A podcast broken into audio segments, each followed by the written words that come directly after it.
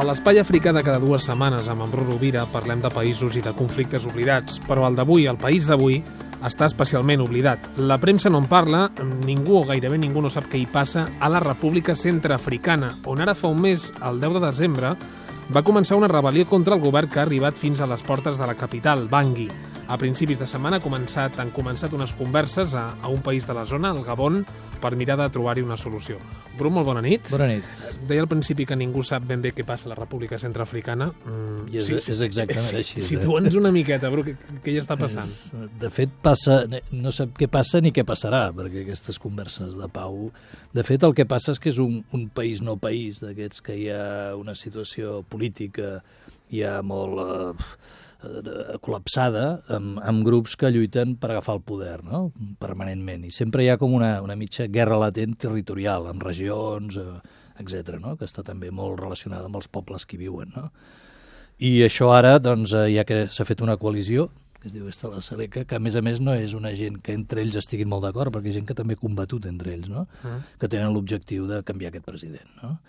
Però de fet és una lluita pel poder en la qual eh, podem, eh, és aquest clàssic escenari que la societat assisteix a una lluita entre gent armada, no? que, que lluiten per, per agafar la presidència, els privilegis del país, controlar el territori.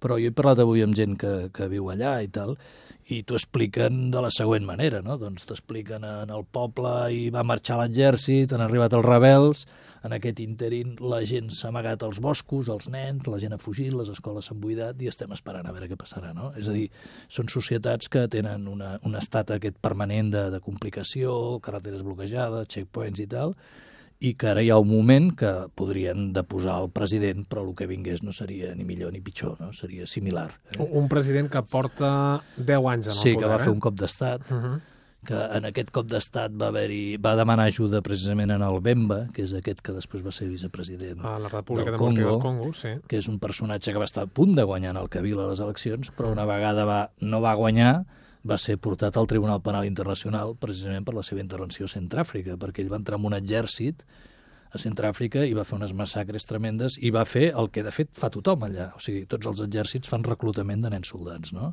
Mm. Avui estava mirant unes fotografies acabades d'arribar de Centràfrica i veus d'aquest del grup de la Seleca i veus unes fotos que hi ha nens de 12, 13 i 14 anys, no? mm. com a soldats. És a dir, que això és una cosa que està passant eh, amb tots els exèrcits que hi ha i, a més a més, sempre és el mateix esquema. Són gent que entren als pobles, segresten nens, els fan entrar a l'exèrcit, etc. no?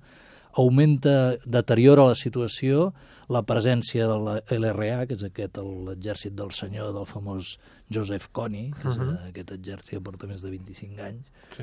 Eh, aquesta gent que estan a cavall perseguits, a més a més, per als nord-americans, en aquest moment hi ha un contingent de la Unió Africana, nord-americans perseguint-los per la regió, que es mouen entre, diguéssim, el Congo, centre, la República Centroafricana i també el Sur-Sudan. No? Uh -huh. Aquests fan unes massacres tremendes. No? Hi havia un missioner espanyol de Córdoba, molt conegut, que viu al sur, tocant precisament amb la, amb la zona amb, amb el Congo, i, i explicava amb les seves cròniques eh, que, que feia un mes aquesta gent havien entrat en un poble, havien segrestat 56 nens, eh, se'ls havien emportat, els havien fet carregar tot el que havien robat del poble, després van desaparèixer tots cap a la selva, van fer una caminata de 30 dies i al cap de...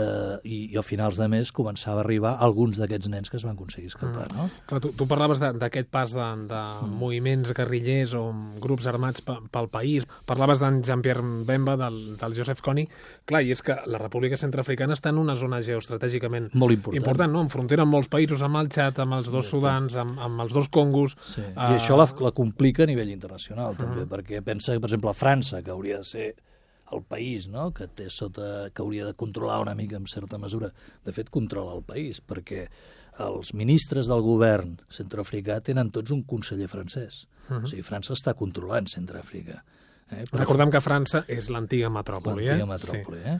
I, I aquí està una vegada més una de les vergonyes de la història aquesta que tenim amb els països aquests, no? d'africans, perquè França té una, ha tingut sempre una posició molt ambigua, té la història terrible de la relació amb Bocassa, que aquest és el, el personatge que si la gent no sap no coneix Centràfrica sí que coneix el Bocassa, no? Uh -huh. que va ser aquest militar, que era un militar francès, hipercondecorat, que va estar a la Segona Guerra Mundial, va estar a la Guerra d'Indochina, va estar a la Guerra d'Argèlia, era un supermilitar francès molt apreciat, i en un moment determinat els francesos mateixos li van demanar que creés l'exèrcit de Centroàfrica. Uh -huh.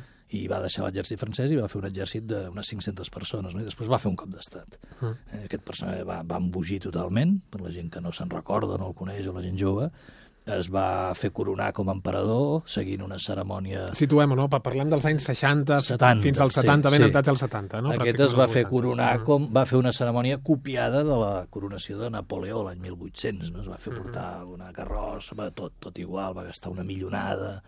Eh? i és un, era un boig, que, un boig amic, fins que va embogir tant que, que va deixar de ser amic. -huh. Tenia 70 dones, etc etc. No hi ha mil anècdotes d'aquest personatge. I aquest personatge és el que va, el famós amic del Giscard d'Estaing, que a l'època que era president del, de França, que anava amb una, una reserva molt important de caça que hi ha a Centràfrica, anava a caçar. Eh, hi ha aquella història dels diamants, és el que li va regalar els famosos diamants en el, en el Giscard d'Estaing. No? Però hi havia aquesta relació corrupta, no?, de que anava, d'amistat corrupta, no? I, i aquest és el, el personatge més conegut, però jo crec que la, la política ha continuat d'una altra manera, més tapada, menys, menys cara dura, diguéssim, per part del, del món francès, occidental, no? més soterrat tot, però continua sent un país que no es desenvolupa, que no té sobirania, que té recursos, els francesos tenen un contracte molt important amb l'urani, uh -huh. hi ha diamants, la, la companyia Areva, que és aquesta famosa eh, d'urani que està a Níger, està a diversos llocs francesa, té una explotació molt important, amb uh -huh. contracte que l'ha renovat fa poquíssims anys, eh? i després també està els xinos entrant, hi ha, hi ha, hi ha, molt, hi ha matèries que, els primes... xinesos diuen alguna cosa? O al no, els xinesos com van fer, han fet un estadi, etc. I els nord-americans tenen un gran interès geoestratègic, no? també, perquè estan precisament participant amb l'operació aquesta de persecució del CONI mm. i des d'aquesta zona és una zona que és molt important perquè tens, ja et dic, tens el Txad al nord eh, i tens a Camerún, etc. França té una relació política complicadíssima perquè França com, eh, està apoyant el règim de Txad de Deby Mm. i al mateix temps ha, ha condemnat una mica el del, el del Congo, i això està al mig, no? I el propi Hollande, que té aquesta política novedosa que va dir que no podria haver-hi, que no, no es recolzarien països que no defensessin la democràcia, es troba en un status quo que no, no està actuant, no? I se li planteja una situació molt complicada a França, perquè de fet són els que haurien d'intervenir o no intervenir en aquesta guerra i no saben què fer. Ells, ells preferirien que continués l'estatus quo, clar. Dèiem al principi que en sabíem ben poc del que està passant a la República Centroafricana i d'aquesta rebel·lió que va començar ara fa un mes, el 10 de desembre, amb les explicacions amb Rovira en sabem una miqueta més. Uh, Bru, moltes gràcies. Uh, Gràcies parlem d'aquí vosaltres. 15 dies. Bona nit. Molt bé.